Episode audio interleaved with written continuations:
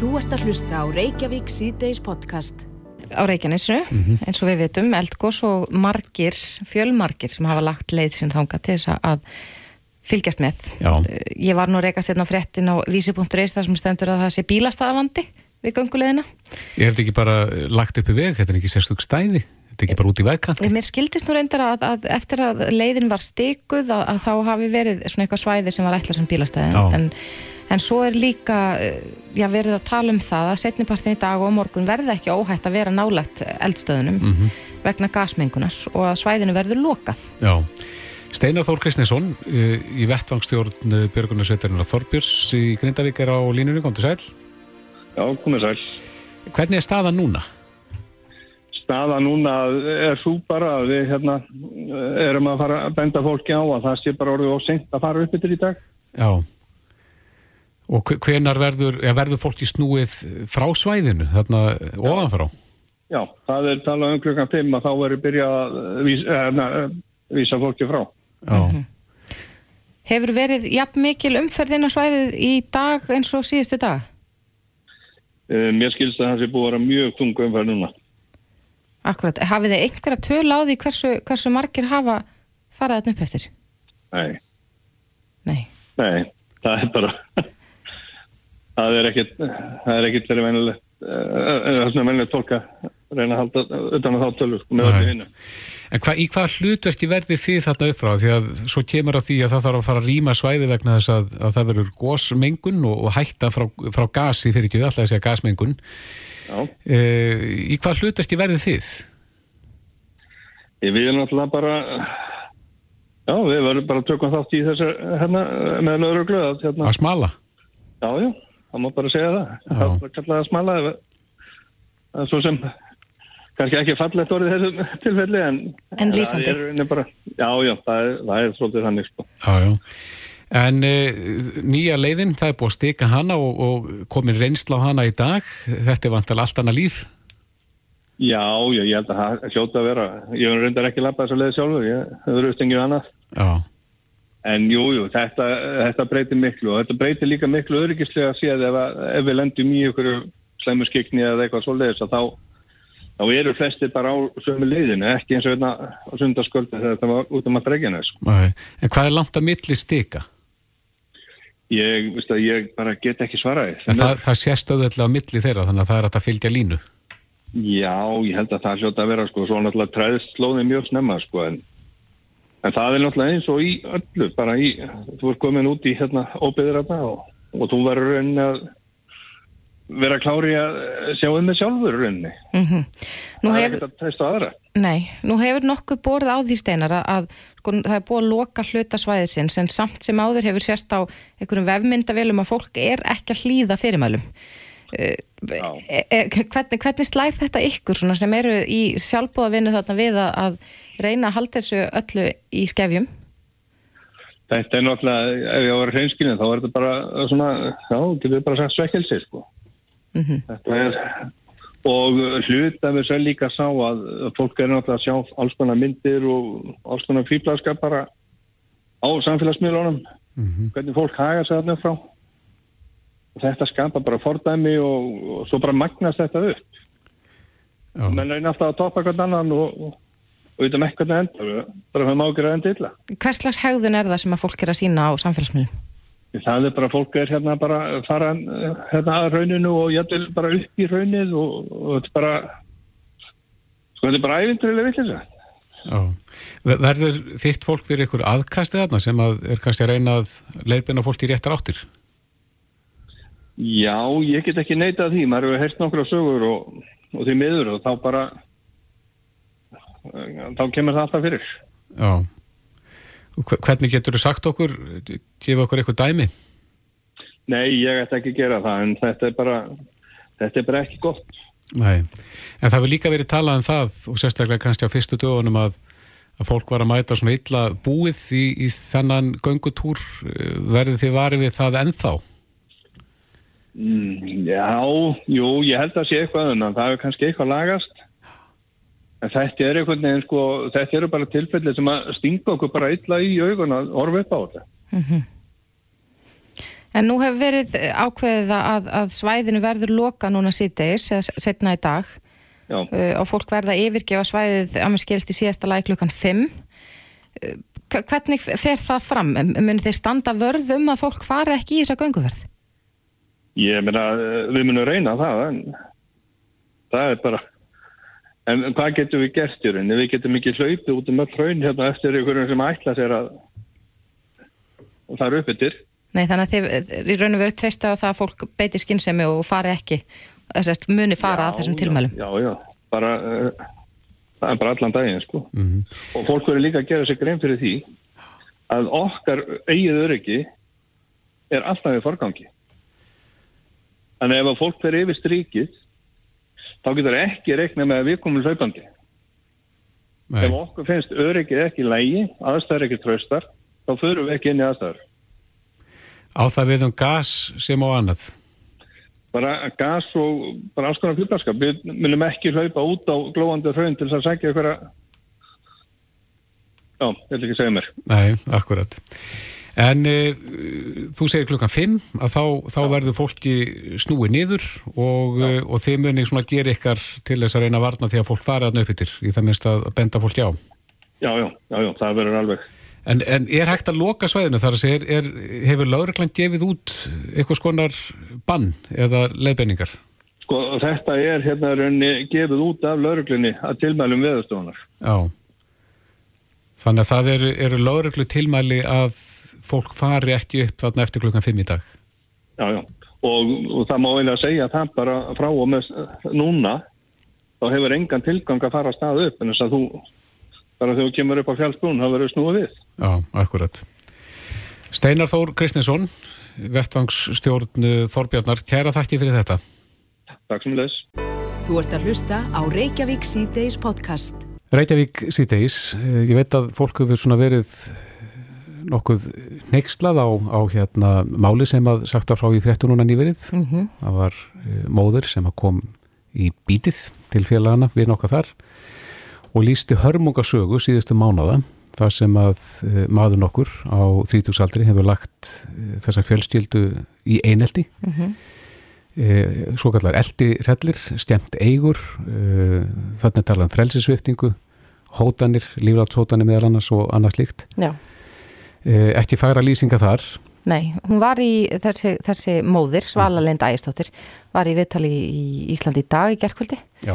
en hún segir að, að sko að þetta sé stór hættulegu maður Mhm. og að þau hafi þurft að þóla linnulausar ofsóknir hans í lengri tíma. Já. En í gær var maðurinn úrskurðaður í gersluvarhald. Já, dómi hérastóns var snúið við, það var Akkurat. landsréttu sem að, að staðfesti gæsluvaraldsúrskurðin og en hann hefur ekki eh, gefið sér fram þessi maður þannig að lögreglan vantilega leitar á hann en það er, það er annað sem að ég veit og við vonum að beðnum að spyrjast fyrir um það sem að hefur fyllt þessum fréttum er að hann er sakbortningur í sex öðrum málum. Og ég veit að það er margir sem rökkva við. Hvernig getur einn maður sapnað upp svona mörgum málum eh, og haft þau á bakinu áður en að e, gripið er inn í Akkurat. og maðurinn tekin úr umferð. Á línunni er Hulda Elsa Björgvinsdóttir, sviðstjóri ákjæriðsviðs hjá Lörglun og Höfuborgarsvæðinu, kom til sæl.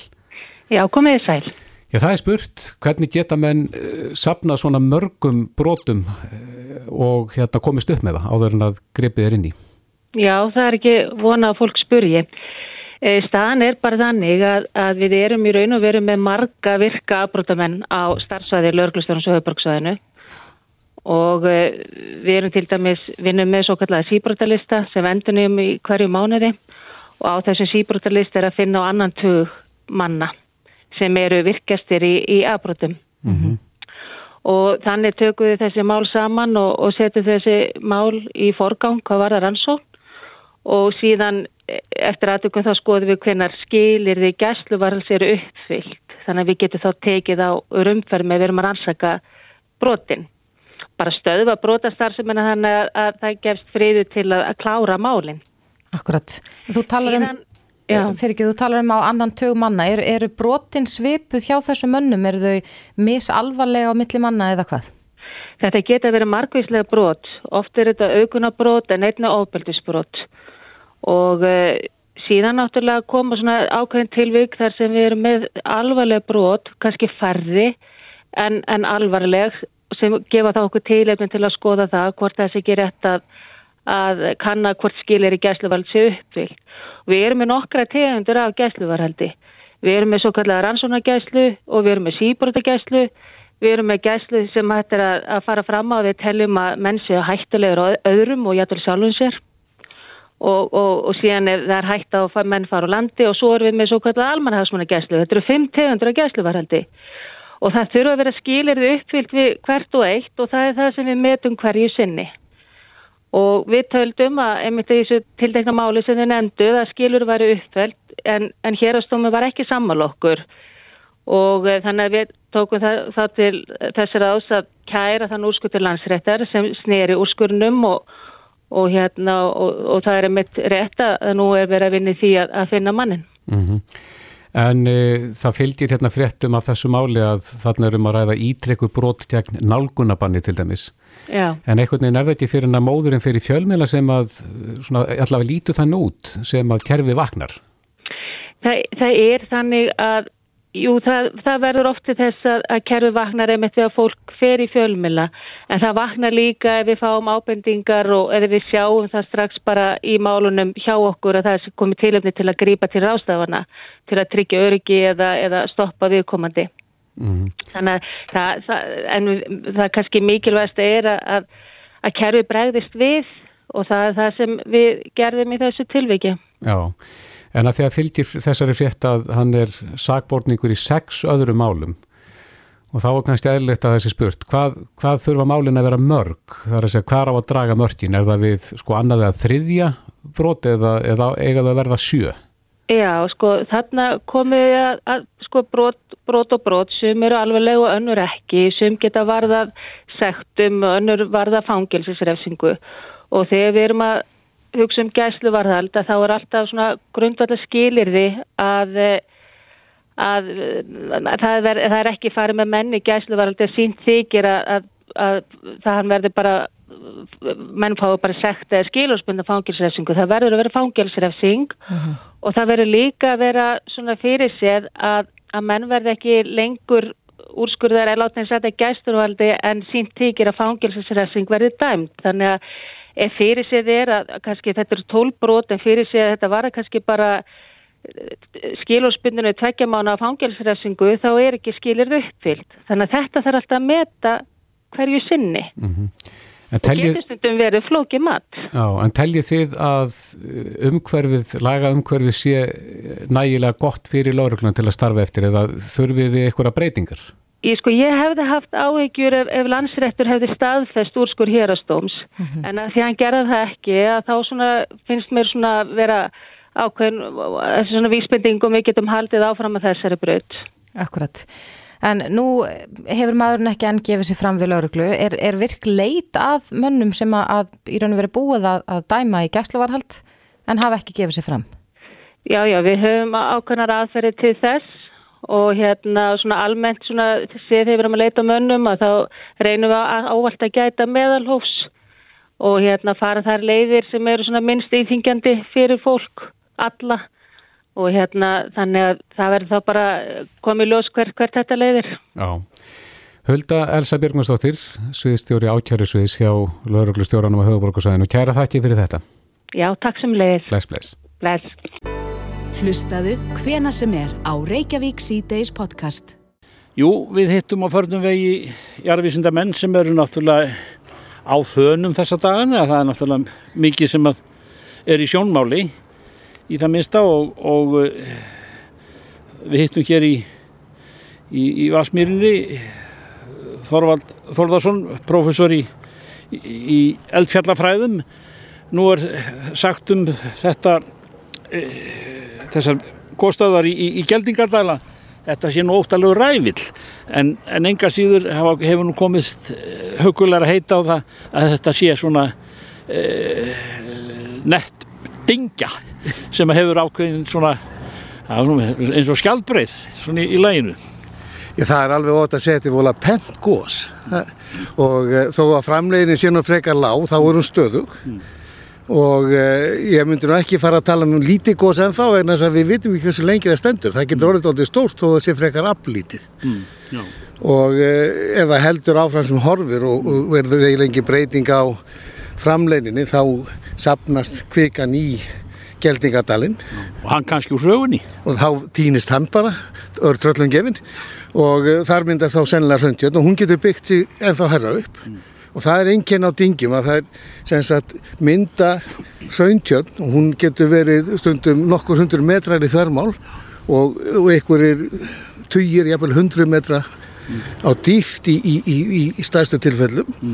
Og kvikan hún kemur bara upp í þessa tjötn og síðan flæður hún út gegnum hraunpípur eða, eða sem hérna ofanflæði ofan á, ofan á eh, eldri eða fyrir hraun og uh, svona heldur þetta bara áfram að malla þetta við höfum sáum nú mjög gott dæmi um svona gos á Hawaii í Kilauea eldfjallinu að- sem að menn kalla Pu'u-o sem að er reyna að vera keilan þar sem, að, sem kom inn í óið eða óið á nafninu Volcano Já, já. þannig að þau settu á kort að þá, þá kom það þar inn í þannig að þá var það að kalla að Pu'u er, er keila eða, eða, eða gjallhóll á hafæsku og ó-ó var bara tilvitnin í að það var í óinu en bursið frá því þá fóru hérna þar myndaði ströndjörn uh, árið 1986 og úr henni vall uh, næstu 32 árin.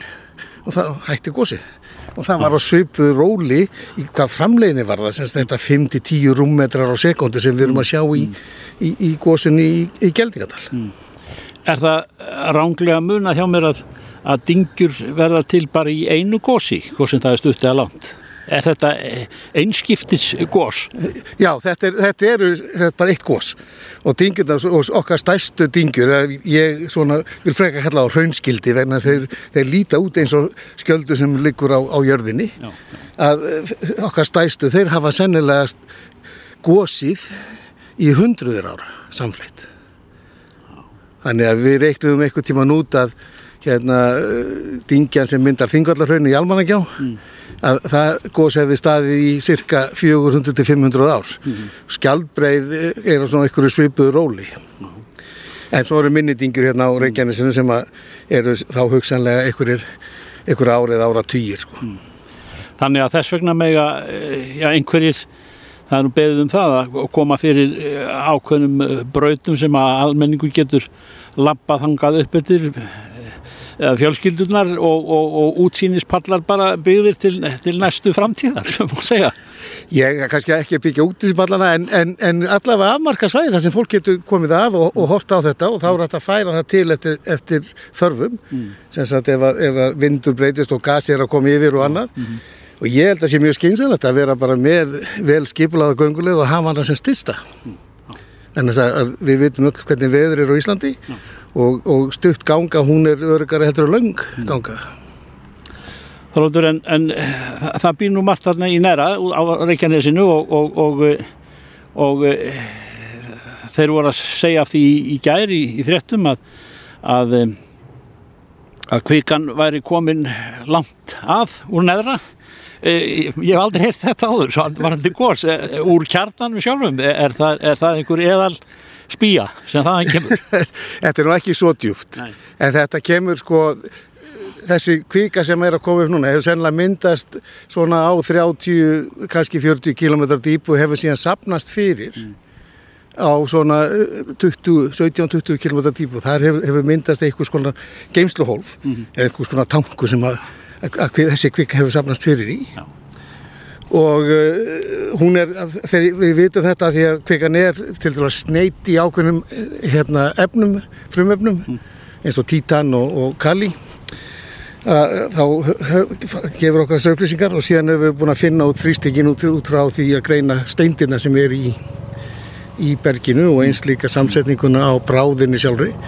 Og það segir okkur þetta semst að myndunarstaðurinn er sennilega svona 30-40 kilometrum geimslustaðurinn á 17 til 20 kilometrum og síðan byrjaði hún að vinna sig upp núna í, í februar og, og var að finna sér leið til, til yfirbors og, og sennilega hafa skjáltarnar og hreyfingarnar á, á, á, á hérna plötu mörkunum opna leið fyrir kvikuna upp, það opnaði fyrir ventilinn og hérna svo var hann eitthvað spínlítið tregur hérna í lokin þetta að stoppaði eitthvað hérna á eins eða tvekja kilómetri íbúð. Og það er bara, það er eitthvað smá tapp í honum og það þurfti að losa hann. Og, og þá kom þetta bara upp. En uh, við, við leikmennu lítum yfir þetta og þá, þá er þetta svona frekar uh, svona rólegt að- að að- líta þetta svona svæðið. Og jafnframt stingur það í, í, í stúi þar sem maður heyrir að já, hún getur ripnað upp í jörðin eh, hún, það getur op, geta opnað sprú, sprungur í þessu á þessu Já, já. svæði. Já, já, það er sko, sprung, góðsprungi getur lengst. Það, það er ekkit, sko, við vitum ekki það fyrir sko. það er alveg möguleik að því að góðsprungi getur lengst en það er líka annar möguleik og sem virðist vera í gangi núna að, að virknin sé að raun að vera að, að svona færast á einn gíg og ef, ef það verður raunin þá er miklu líklega að þar myndi þessi fröndjöld þarf að myndast. Og þá höldu okkur bara við hennan eina gíg. Já. og þá verður þetta, þetta verður rólegt og, og svona dingjugós af þessu tæði þau eru yfirleitt tiltölulega róleg, hraunin. Við sjáum oft ekki hraunin þau eru að flæða vegna þess að þau eru að flæði í innri hraunpípum. Og ég hef nú unnið á mörgu svoleiðis líku hraunum og lappaði yfir þau með að vera hraunir að renna. Og það er allt í lagi. Já. þegar þau eru búin að koma sér í Já. Fastan farveg sko. þannig að við höfum fengið okkur göngutur yfir yfir svona hraunár en þær, þær voru svona 3-4 metri fyrir neðan okkur Þannig að e, svona, það má sterklega álíkta að þeir eða það þetta í, neðra hafi látið þetta gott heita e, sko og, og okkur mannfólkinu til ánægi auka og, og, og þegar við getum komist þarna upp á sín, síningarpalla eða sí, palla Sjálfsögðu, sjálfsögðu. Sko það er búin að vera í pási í 800 ár, það er komið tíðan fyrir að gera eitthvað. það, er, er komið bara tíma á þetta. Ég held þetta sé líka eh, gott að mörgu leiti fyrir okkur. Þetta er, þetta er ágætis áminning vegna að við, eh, margir kannski gerir sér ekki grein fyrir því en við er búum við plötuskil hérna sem eru með eldurni og þau eru ekki nema í 10, 20 og 30 km fjarlæð frá höfuborginni. Þetta er eldvirtsvæði og við megum ekkert gleyma því vegna að, að þó að gjósi ekki alltaf þá getur gósið og við þurfum að vera tilbúin fyrir hvaða gósum er sko. Þorvaldur Þorvaldsson professor, í- professor í eldfjallafræðin við skulum ég fæ að heyri í þér af og til og, og eh, svo lengi sem að þetta er í þessu horfi þá er þetta bara gott eitt Já, alveg sjálfsagt að, að, að, að- spjalla og, og, og tala um þetta og vonandi heldur þetta bara svona áfram vegna þess að þetta verður þá bara upplýfting fyrir hérna samfélagið á, á skaganum. Takk fyrir Já, takk fyrir. Reykjavík síðdeis á bylginni. Eitt af þeim málinn sem hafa ekki aðtekli undanfarnar daga er uh, þessi, þetta bit, hundsbit á uh, veitingastannu eða hvað er þetta, skemmtistæður eða pub, Já, þetta er, já, pub, skemmtistöður, já, röngin röntgen, akkurat, þetta er þarna á hverjaskutinni. já, Um, þetta var sérst atvik sem átti sérst að rétt fyrir lókun á föstaskvöldið en þar var stúlka sem var gestur á staðnum bitin í andlitið Já. af hundi já, sem var þar með eiganda sínum, mm -hmm. býst hérna staðfastlega við. já, En nú er verið að tala um sko að eh, það sé ekki endilega mittlaði stein að, þessi, að þessum hundi verði lóað en að mögulegt sé að, að hundurum verði settur í geðmat. já ég verður ekki að lesa svolítið aðstæður Jú, það það er hlýtur náttúrulega að verið vera. að setja hundin hann í eitthvað aðstæður sem að kannski, já, ég veit ekki hvort að fólk telli það vera bálegt fyrir hunda að vera inn á svona öldurhúsi sem að Akkurat. kannski áfengi er haft um hönd og ég veit með tónlisti eða annað slíkt en, en kannski aðstæður sem að hundurinn þekkir illa Nei, en já, við þekkjum eina sem að, að, að kannast vel við dýr og Já. getur svona sagt okkur ímislegt hvað þetta varðar en það er Hallgerður Haugstóttir, formaður dýraverndarsambands Íslands og hún er á línunni, komdu sæl. Já, sæl verið þið. Já, þetta, maður veltiði fyrir sér sko hvort að þetta séu bóðlegar aðstæður yfir höfu fyrir hund. Nei, klárlega ekki. Ég, þegar, hann er alltaf innan um þarna fólki annarlega ástandi og svona ákveði stjórnleysi alltaf náttúrulega í umhverju þar sem að fólk er komið vel í glas. En það skiptir svo mikið máli í hvað aðstæðum hundur er. Það þarf samt sem að vera að kenna honum á umhverfi og það þarf að taka til hann. Já, það hefur nú svolítið verið að bætast við söguna, var það ekki? Er ekki talað um að, að einhver ölvaði maður, að þessi stúlka hafi verið að, að klappa hundinum og svo hafi einhver ölvaði maður komið og stigið á fótinn á hundinum og þá hafa hann glefsað í stúlkuna. Já, en sko það eru engar líkur á því að þessi hundur hafi bara allt í einu ákveðið að býta. Nei, það er bara ekki þannig með hunda. Uh, sko, sérstaklega ekki hundi sem er kannski komin eitthvað á einhvern aldur og engin slík saga. Það er alltaf einhver ástæða. En uh, sko, hundar geta náttúrulega verið veikir á geði ef við kvöldum það þannig að það er bara alveg hverfandi og yfirleitt alltaf vegna þess að það er búið að fara þannig með þá. Eða hins vegar er ykkur er ofan í honum og er að klappa honum og, og, og hann er uh, fyrir, til að byrja með í umhverju þess að hann er smeykur og óörgur og svo er stíð ofan á hann þá náttúrulega er, sko það væri bara mjög óeðlilegt ef hann verði sér ekki. Já, þetta eru varnar viðbyrjuð, ósjálfráð. Já, já, já, þetta er það. En við erum að, tímandinn hefa breyst og einhvern tíman hefði þetta bara verið, eh, bara hefði hann sjálfkrafa verið, hefði hann verið lóað, en e, tímandinn breytast og, og er það þitt mat að, að menn séu svona meira fannir að lesa í aðstæður? Já, sko, eigandur náttúrulega á rétt á því að láta fara fram skapgerðumat. Þetta er ekkit lengur þannig að hundar séu bara teknir og aflífaði bara að því einhver ákveði það. Nei. Einhver lögurlumæður eða eitthvað slíkt. En hundur þarf náttúrulega að standast matið. En svo er náttúrulega líka bara spurning, sko, hverjir eiga eiga og oft sækir fólk, sko, en okkar aðeins að segja varandi þessa tegunda hundum, að það hefur aldrei verið í umræðinni að þessi tegund sé svo hættuleg og, og svona eitthvað um þessa tegund. Er, er þetta rottvælir? Já, það er ekkert að þessum hundum. Þetta eru fjölskyldu hundar hérna út um allt land og alveg afskaplega ljúfur og góður hundar en það þarf að ganga rétt um það eins og alla aðra hunda. Ég get alveg sagt að vera en það er alltaf miklu alvarlega þegar rottvalir býtur. Þess vegna tökum við meira eftir því. En það á ekki að stigmatisera hunda út frá tegundum. Það áfrökar að skoða aðstæðu hvers og eins. Akkurat. Hallgjörðu, heldur að svona umfjöllin út að núna hefur verið minnst á það í fréttum síðan um helgina að þetta hafi verið rottvæluhundur. Heldur að þetta búið til svona einhverja ákveðna hræðslu hjá fólki gagvart þessum tegundum? Ég sko bæði það en svo er líka bara verið að gaggrína fjölmjöla og nálgun fjölmjöla því þetta eru þetta bara gallar á fleiri klikk og, og þá seljast meiri öllisingar. Ég verð bara að segja það reynd út. Þetta er náttúrulega, þetta er mjög svona viðhorf stýrt nálgun að, að gera þetta svona. já, Viðhorf stýrandi nálgun. Uh, fullt af sko laboratórum sem eru frábærir og svo er einn sem býtur og það er engin að tala um laboratóra sem hættulega hundatega. nei. En við erum farin að sjá það að uh, það er opnast fleiri og fleiri dýr gagvart hundum. Hótel eru farin að bjóða, eins og fóshótelin eru farin að bjóða eigendum með hundagistingu. Já. Eh, en verður ekki að velja þessa staði nokkuð gömgjafilega eins og við vorum að tala með náðan að öldurhús kannski með drikju og tónlist er kannski ekki endilega rétti staðinu fyrir hunda.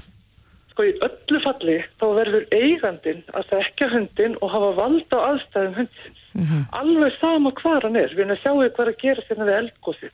Það sem að fólk er að sleppa hundunum sínu lausum. Hvernig er hundar að vara sig á til þess að hraun leipur fram. Fólk þarf að hugsa fyrir þessu. Og það er alveg sama með þetta. Persónlega finnst mér hundar ekkert eiga heima innan um söðuruski fólk. Þeim líður ekki vel í þannig aðstæðum. Alveg sama hvað tegundir eru.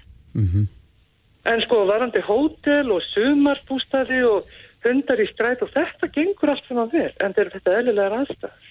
Akkurat. Rétt aðeins í lokin, Hallgerður, þú talar um að það færi fram skapdjarðar mat á uh, hundunum eða ætti að fara fram. Hvernig fer slíkt mat fram? Það er fenginn sérfræðingur, hundaatfelli sérfræðingur sem er svona reynir létt á hundin. Svona lætur hann fá mat og tekur matinn af honum og svona gefur, gefur þetta aldrei áreiti á hundin sko. Mm Og þá er metið hvort að hundurinn þóli bara svona áreiti. En þetta er náttúrulega, það er ekki verið að stíga ofan á hann, sjá þið. Og, og ef að hundaatfellisfræðingur tekur hund og stígur ofan á hann að fullu þunga, þá finnst mér bara mjög skrítið að ætla að stila hundurinn bara sæti þarna og gerði ekkert. Get, getur þetta set... Þetta er svona svipað eins og ef að kú, ef að þið sitja í flötum beinum og svo kemur kú, kemur kýr eða hestur og stígur ofan á lærleikin á okkur. Skiljið, þið bregðist við. Já. Einmitt.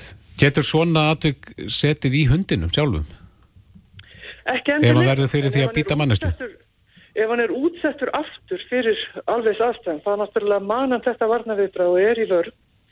En þessi gamla saga um að sko ef að hundu býtur einu sinni lamp þá gerir hann það aftur, það er daldið þannig að þeir verða gamlir að þá geta þær orðið daldið skrýtnis og það er svolítið svona dæmi um það að hundar sem hafa aldrei farið í lömp bara ákveð að verða hérna svona einhverju villihundar á gamastaldri.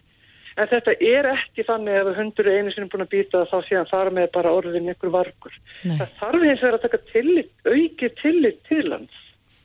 Akkurat. Hann er að sína sko býtir síðasta varnavitra, hann er búin að gefa öll merki um að hann þurfi meira rými eða minna áreiti og ég sé myndir af þessum hundi frá þessu kvöldi og hann var hrættur þarna og hann var að reyna að sína það með eins og merkjum. Mm -hmm. Þetta er að síðasta sem hann á. En ætti þá, ætti þá eigandi hundsins að hafa átt að segja á hvernig hundinum leið? Já, hann hefur vanmetið getu hundsins til að fastveðast. Það er alveg ljóst. Já. Hallgerður Högstóttir, formaðu Dýravendarsambands Íslands. Kæra þakki fyrir þetta. Já, takk. Þetta er Reykjavík C-Days podcast. Það er ekki bara jarðræðingarnar á Reykjanesi sem að uh, lita alla frétta tíma sjálfsögðum. Það er líka COVID og, og veru faraldurinn og hann er ekki yfir staðinn og það er farið að gæta óþreyju auðvitað og, og þar saman til göttunum þegar kemur að því hvenar líkur þessu en við vorum að heyra í þættinu hér í dag að, að spá jarðvísindamanna er, er á þá lunda við erum að heldur ekki sjá fyrir endan á, á þessu eh, litla túristagósi sem að margir kalla svo. Litlu sætu dingjun í, í Geldingadalum svo vitna sér nú til orða orða e, jarðvísindamanna. En það leiðir hugan að því að eh, sem að Hrannar Bjarnason formað Norrannafélagsins skrifar í fréttablaði í dag að Norðurlöndin eh, þau eru ekki þessi held sem að við oft eigum samleið með þegar að svona fár gengur yfir eins og COVID-ið um, og, og, og margt fleira sem að tengist því er þér þetta mikið áhugjefni? Já, ég verði að segja að bæði eins og þú nefnir í koronaviru faraldrinum og til dæmis í flóttamanna, viðbröðum við flóttamannaströmmnum sem að gekkir yfir okkur og er svo sem enn í gangi á liðnum árum, það hafa Norðurlöndin einhvern veginn ekki staði saman og unni saman eins og maður einhvern veginn held að væri forgansatriði og, og í rauninni bara því ingróið í okkar e, hugsunarhátt e, eins og maður var að vona. E, við erum auðvitað búin í hátt í 100 ára berjast fyrir Norrannu samstarfi í Norrannu fjölugunum og í ár fögnum við 50 ára ammali Norranna ráþærarásin sem er svona hjarta í Norrætni samvinu og það, það eru mikil vombriði að sjálfsögðu þegar e, svona stór alþjóli verkefni berað höndum að Norðurlöndin e, ber ekki gæfi til þess að standa betur saman og leysa málinn í saminningu e, heldur þið hafa gert. Að því þessi tvö mál sem ég nefni hafa að mörguliti sínt brestina í norrænu samstarfi eins og það hefur verið að þróast mm. Hver er sjálfur sér næstur er þetta hver er megin ástæðan fyrir þessu? Ég held í rauninni að það sem þú nefnir að hver sem sjálfur sér næstur sé kannski einskýringin að því að í staðin fyrir að, að leita samræðs og, og ég vil meina bestu löstuna í, í þessu alþjóðasamstarfi þá fara þjóðir, þessar þjóðir og, og það hefur kannski aðeinslega verið Danmörk og, og Svíþjóð sem hafa verið svona í halkinu skærum og reynda norð, norðmenn líka út af koronavegur faraldrinum þá horfa þau bara á landamærin e, loka landamærum e, og einhvern veginn í staðin fyrir að það væri kosk oft gáleira út, út frá verufaraldrinum að, að loka einstungu svæðum inn að landana eða, eða hefta föruna þannig. E, og hluta til held ég þess líka pólitík. E, því miður það hefur endur ekki verið hér á Íslandi. Þar hafa þessi, þessi veirumál og viðbröðum þau orðið miklu pólitískari heldur en það hefur verið hér. Og e, í sumurlöndum er það bara beinlinni sem vinsælt að loka landamærum. E, og, og svona viðbröð við allþjóðavæðingunni mm. þannig að þetta er líka einhvern veginn gefið slíkum öfnum að ákveðin sóknarfæri sem að E, mér finnst sumir e, pólitíkusar á Norrlundum hafa látið glepja sig af. Nú eru Íslendinga að finna í, í Noregi hvað 150-200.000 Íslendinga búsettir þar.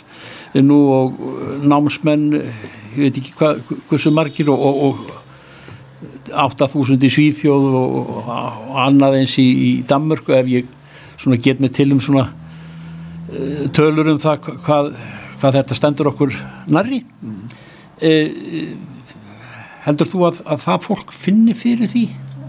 Alveg klárt mál ég hafa bara marga góða vinni sem að hafa verið vinna í Noregi og, og, og flakk á milli í námi eða, eða annað, dóttir mín býr nú í, í Danmörku og nýbúin eða þar fyrsta afabatni sem ég hef ekki fengið að sjá en þá þannig að maður finnur þetta alveg bara á einn skinni og, og allt í kringu sig og mm.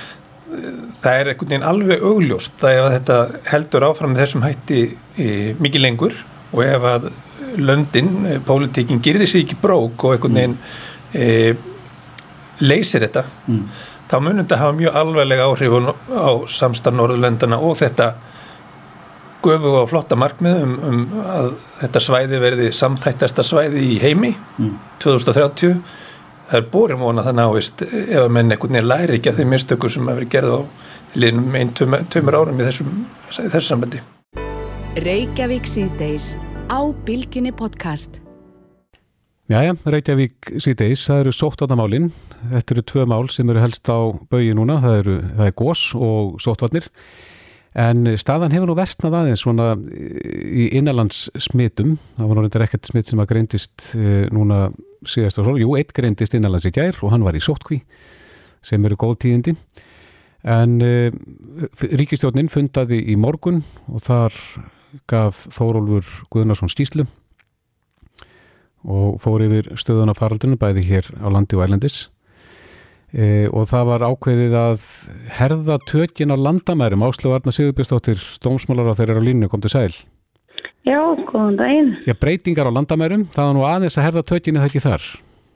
Jú, heilbreyðstóð þeirra kom reglugjara breytingar um, nokkur, nokkur atriði sem uh, sótvarlækna hafið lagt til.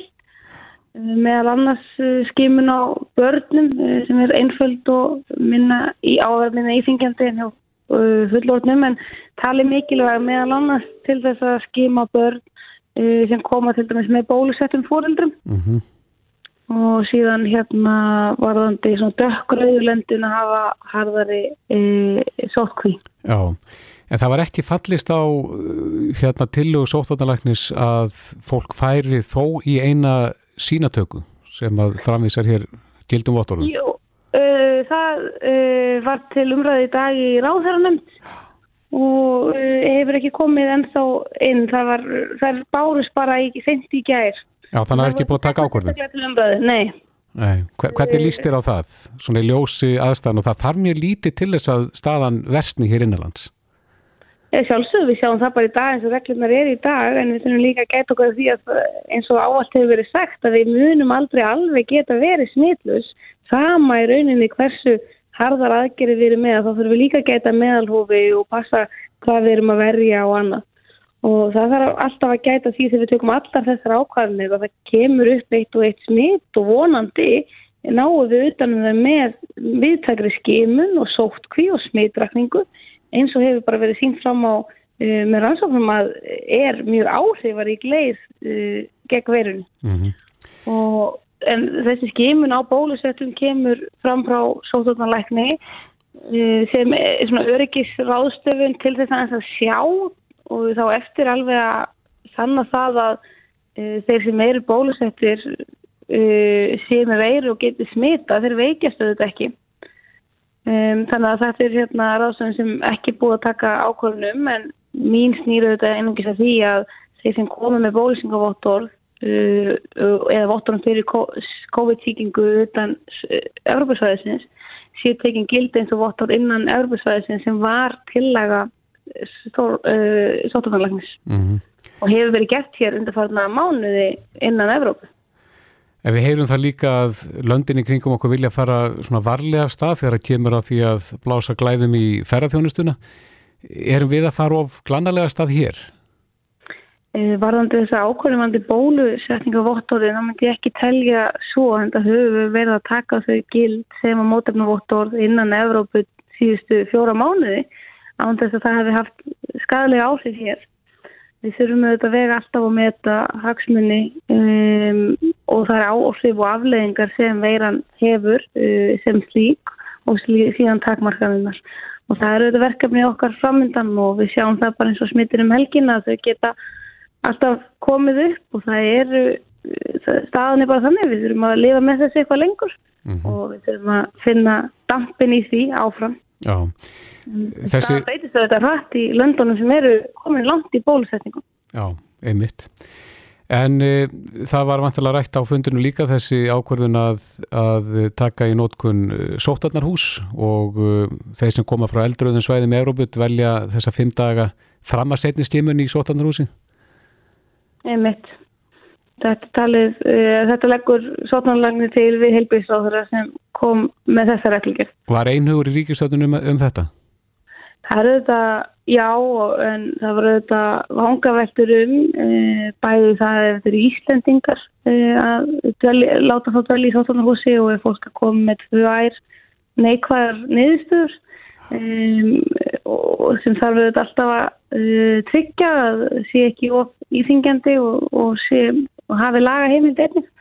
Þannig að um þetta skapast alltaf góðar og, og umfangsmiklar umræður í ríkistofn en við stýðum helbriðsráður við þessa reglgar. Mm -hmm. e, Myndið þú vilja taka öðruvís á málunum þegar það kemur að landamærunum? Ég held við séum að gera vel varðandi það að samþykja bólusetningaváttur, við erum að treysta því ferli og að vika það út og taka það jæmt frá Breitlandi eins og Pólandi e, finnst mér að vera að fara mjög varlega og ég held að það sé mjög mikilvægt skref fyrir okkur. Við erum að samfara fólk um að bólusetja sig sjálft og við erum auðvitað að binda vonið við það að við séum fljótlega að koma með stóran hóp eldri fólks og þeir sem eru viðkvæmri stöðu bólusetja hér á landi og þá eru auðvitað hættan ekki eins. Þannig að við þurfum alltaf að metta þetta í takti við það. Mm -hmm.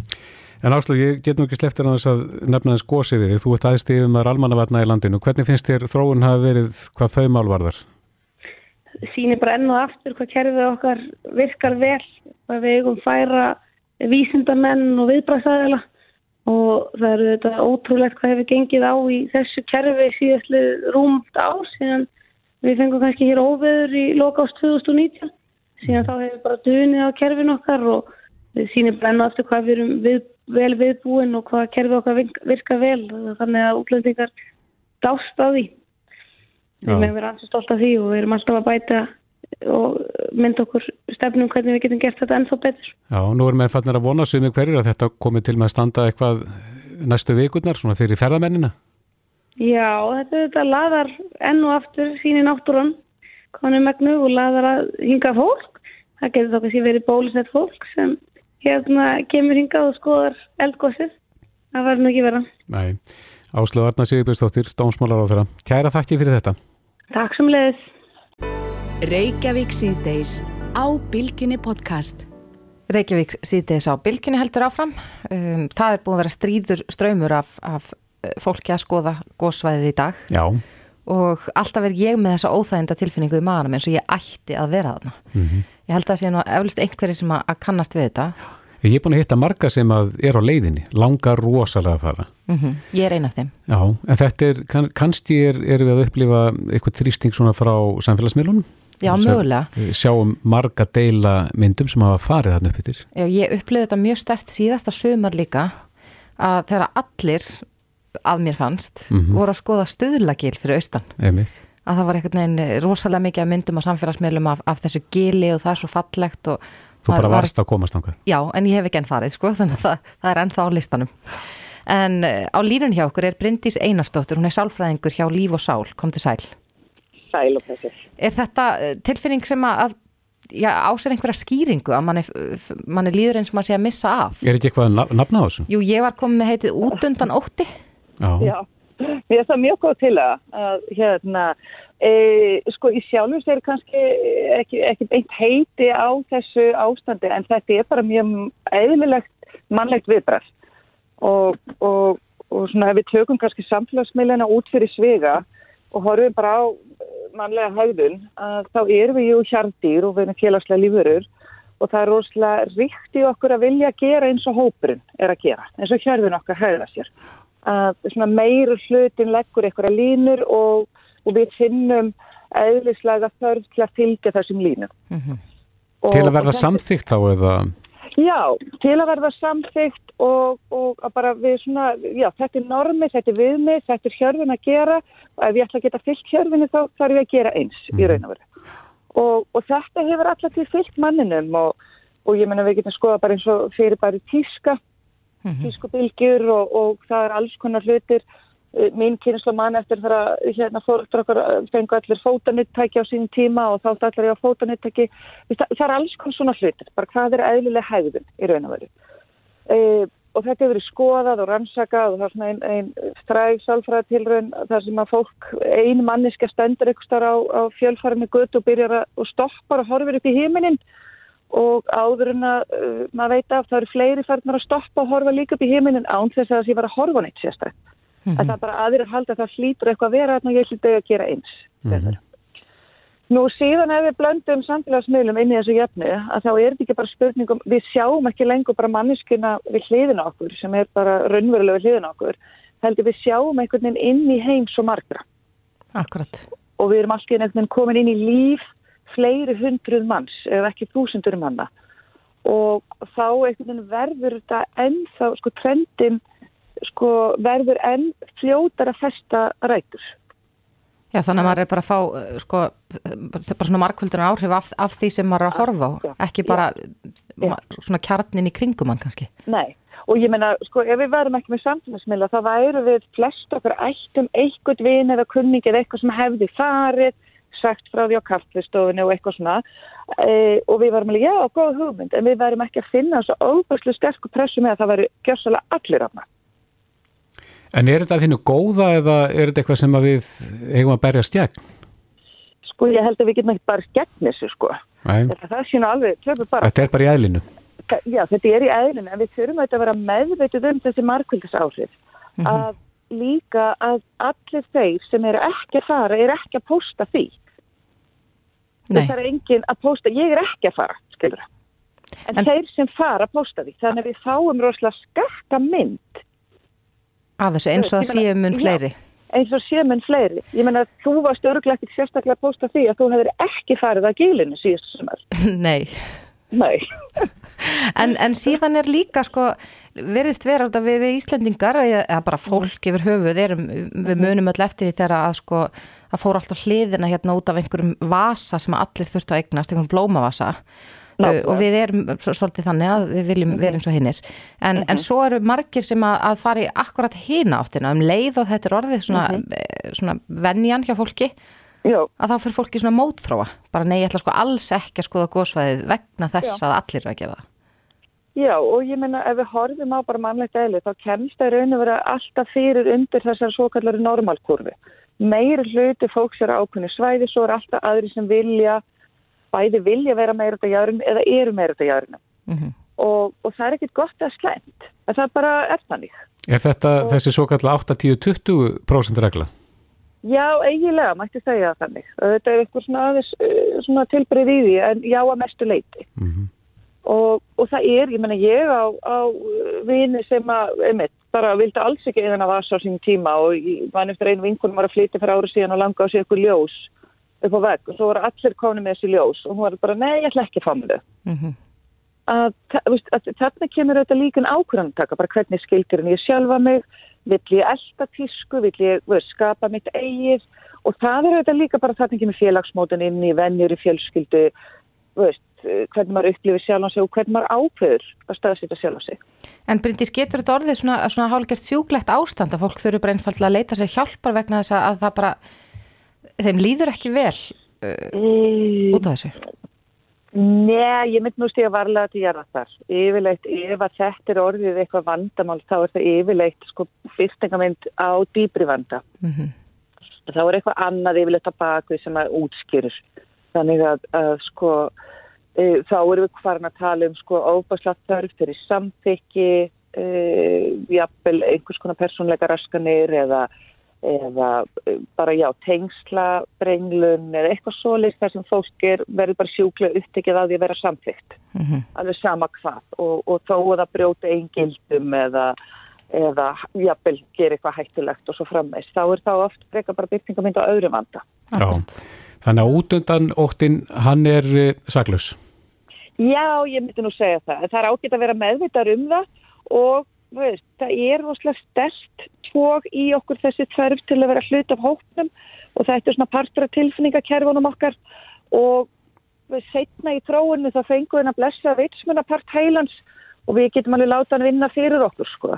Og svona bara taka með í reikningi bara jákaði þetta er bara gamli hellisbúin í mér að vilja fylgja hjörðinni en hvaða vitsmunlega ákvörðin ætla ég að taka, hvað er skynssamlegt að gera? Mm -hmm. Veist, þannig við höfum alveg frjálsan vilja sko. Akkurat eins og við höfum líka talað um að fólk þarf að vera ágætlega vel útbúið, ekki bara vaða af stað og elda hjörðina. Klárlega, alveg klárlega og ég menna maður sér það líka, nú er ég í, í, í einu gönguklúpu og það er strax búið að setja inn til þeirra leysugum hann að hafið þið íhugað að það er skiplegið að ferð þannig að maður getur farið með venu leysugum hann um eitthvað svo leys. Mm -hmm. Veist, og þarna er bara fólk skal bara okkur með langar, ég vil gera þetta skinsanlega, veist, hvernig getur þá, þá leitum við lausna. Já. Og þetta er vi- bara vitsmuna parturinn á okkur sem, við, sem betur búum við líka. Akkurat. Þetta er áhugavert. Bryndís Einarsdóttir, sálfræðingur Já. hjá Líf og Sál. Kærar þakki fyrir þetta. Já, það var nú lítið. Þetta er Reykjavík C-Days podcast. Reykjavík sítiðis heldur áfram. Við höfum oft talað um tákmál Já. hér í þessum þætti. En það er það, sko, já allavega að margra mati ætti bara að kenna tákmál í öllum skólum þannig að sko það myndi hjálpa þeim sem eru heyrnalausir eða heyrna skertir. já, hugsa heiminn sem að þetta myndi opna hérna, heyrnalusum og þeim sem að heyra en Mhm. kunna svona tákmál. Það er að nýta sér tákmál við ýmsar aðstæður. Já, ég veit að það eru einhverju skólar sem að kenna tákmál, það er bara hluti af stundarskráni. Mhm. En ég rak augun í það í dag að eh, nú er komið app, Já, íslenska tákmáls appið. Ég er ekki alveg kláraði hvort þetta sé glæði nýtt eða hvað en, en, en félag heyrnalösa eh, er að gefa út þetta app og, og það segir hér á síðu þegar að þetta sé gjöf frá félaginu til landsmanna og þetta kostar ekki neitt. Á línunni okkur er Heiðdís Dögg Eiríksdóttir, hún er formaður félags heyrnalösa. Komdu sæl Heiðdís. Já, sælverið. Það er kannski rétt að minnast á það að, að Heiðdís er að tala við okkur með aðstóð tólks. Já, það er þannig að ég er á uh, fjár, uh, fjárfundaforriti og tákna í mynd og tólkurinn tekur við því og talar við ykkur í síman. þetta er frábært. Svona er tæknin í dag, indislegt. Já, það er það nefnilega, alveg magnað. Er þetta app, þetta íslenska tákmálsappi, er þetta nýtt á nálinni eða, eða er ég bara svona seina að fatta þetta? Nei, þetta er alveg splunkunýtt og uh, þetta var uh, búið til í tengslum við afmæli félagsheyrnulösa á síðasta ári og það er núna í februar sem við ákvaðum að gefa það út. En appið er aðgengilegt á App Store en það er ekki enn komið inn á Play Store. Þannig að en það er núna bara á, í næstu framtíð. Lýsta eins fyrir okkur, hvað getur fólk lært með þessu appi og í gegnum það? Einmitt, markmiði með appinu er að gefa öllum tækifæri alveg sama hvar þeir eru og hvenar sem er til þess að læra grunn í tákmáli, til þess að uh, byrja samskipti við aðra. Og markmiðið er að þau síðan læri þá meira af einstaklingnum sem þau eiga samskipti við. Þannig að appið, í appinu eru yfir 400 uh, tákn og það eru svona aðalsetningar og tákvarandi hverstagslíf, um, varðandi djammið, út að borða, náttúruna, hitt og þetta. Og er, er eh, þetta app ætlað eh, sem sagt, þeim sem að heyra eða er þetta sem sagt, eh, þið viljið raun og veru koma tákmálinu meira inn í fyrir alla, bara fyrir alla sem vilja prófa. Alla sem hafa áhuga á að skoða tákmálið eitthvað aðeins og fikra sig áfram í því. Finnið þið mikið svona áhuga hjá fólki að, að vilja læra tákmál? Sko, uh, við höfum ekki farið á fullt að auglýsa uh, en eins og ég segi þá er appið tilbúið á uh, Play Store og það verður öllum frjálst og velkomið að ná í það þegar það er líka komið inn fyrir Android og þannig að okkar von er náttúrulega svo að almenningur verði spenntur fyrir þessu alveg sama hvaða aldri fólk er á. Mm Er þetta að læra stafróið uh, á tákmáli? Já, stafróið og uh, fjölda tákna og uh, setningar til samskipta, það eru líka spil og stutt vídeo og það er hægt að velja svona uppáhaldstáknin sín og sapna í möppu og ímislegt hægt. Mm -hmm. Svona áður við endum þetta spjallum um appið, hvað, hvað heitir það? Hvernig finnum maður það inn á App Store? Já, góð spurning. Þá skráuru ITM eða ITM app. Í einu orði? Tvö orð. ITM bil app. Mm -hmm. Og ástæðan fyrir ITM er að það er skamstöfunin fyrir Íslandst tákmál. Já, já. En uh, aðeins áður við missum þau úr símanum, uh, hvernig hafa COVID tímar verið núna? Mikil grímunótkun, hefur þetta komið niður á þeim sem að ekki heyra? Já, það er stort að spurt. Uh, jú, vissulega hefur það verið erfitt með grímurnar fyrir okkur en bara eins og fyrir alla. Og á sama tíma að þá eru ýmsar dyr sem opnast að það er til dæmis fjarfundabúnaðir, að það er komið, komin svo tækni sem við getum nýtt okkur töluvert. Um, við getum þannig mætt uh, á málstofur fyrirlestra, fræðslu fyrirlestra jafnvel út í heimi. Og uh, það er til dæmis uh, fyrirlestra á sænsku tákmáli sem ég hef setið. Þannig að það er mjög áhugavert. Mm -hmm. og heyrst... það er líka um, Það er líka uh, sagt, stór hópur sem best fyrir jafnbretti jaf, kynjana og það er um allan heim og þá er hægt að tengjast inn á það núna meðan að áður var það þannig að maður þurft að ferðast út í heim til þess að fá þessa vittnesku en nú er hægt að setja þessa fundi heima í stofu í algjörum luxus. Þannig að við græðum tölvert á þessu. Já. En á sama tíma þá náttúrulega er, er aukin hægt á félagslegri einangrun því meður. Já, en er Íslands takkmál mjög frábröðu til dæmis í enska? Getur það ekki reynst erfitt fyrir þá sem ekki heyra að já, tjá sig? Það er allt, allt annað. Það er alveg það sama eins og með rattmálinn að það, þau eru jafn fjarlæg hvort öðru eins og takkmálinn. Læra, lærir Íslands fólk sem ekki heyrir ennst takkmál líka? Já, það er uh, að vísu svolítið mismunand á milli einstaklinga. Uh, Ameríska takkmálið, ASL að það eru sumir sem læra það, aðri læra breska tákmálið, BSL og svo eru aðri, ennaðri sem læra jafnvel eitthvað norðurlanda tákmál, pólst eða e, litást, það er bara, og fólk er tví og jafnvel þrý tingt. Já, en hefur heimurinn ekki komið sér saman um eitt svona universal tákmál? Hmm, e, þá spyr ég eiginlega e, á móti um, hvernig væri að hafa eitt rattmál að heimurinn kemur sér saman um það. Er það ekki ennskan sem að er, er svolítið hefur það hlutverk? Um, já, samkommulagið hjá okkur væri það í rauninni um alþjóðlega táknun en það þróast út frá í rauninni uh, ráðstöfnum og fundum sem hafa verið setnir og uh, þá er svona ákveðin tákn forði sem að myndast innan uh, þessara hópa og verður að því sem við kallum þá alþjóðlega táknun. Mm -hmm. En uh, oft er það byggt á ameríska tákmálinu. Akkurat. En við kvetjum alla sem að hafa áhuga á að læra íslenska tákmálið að sækja sér þetta app uh, inn á App Store, ITM app. Já, endilega.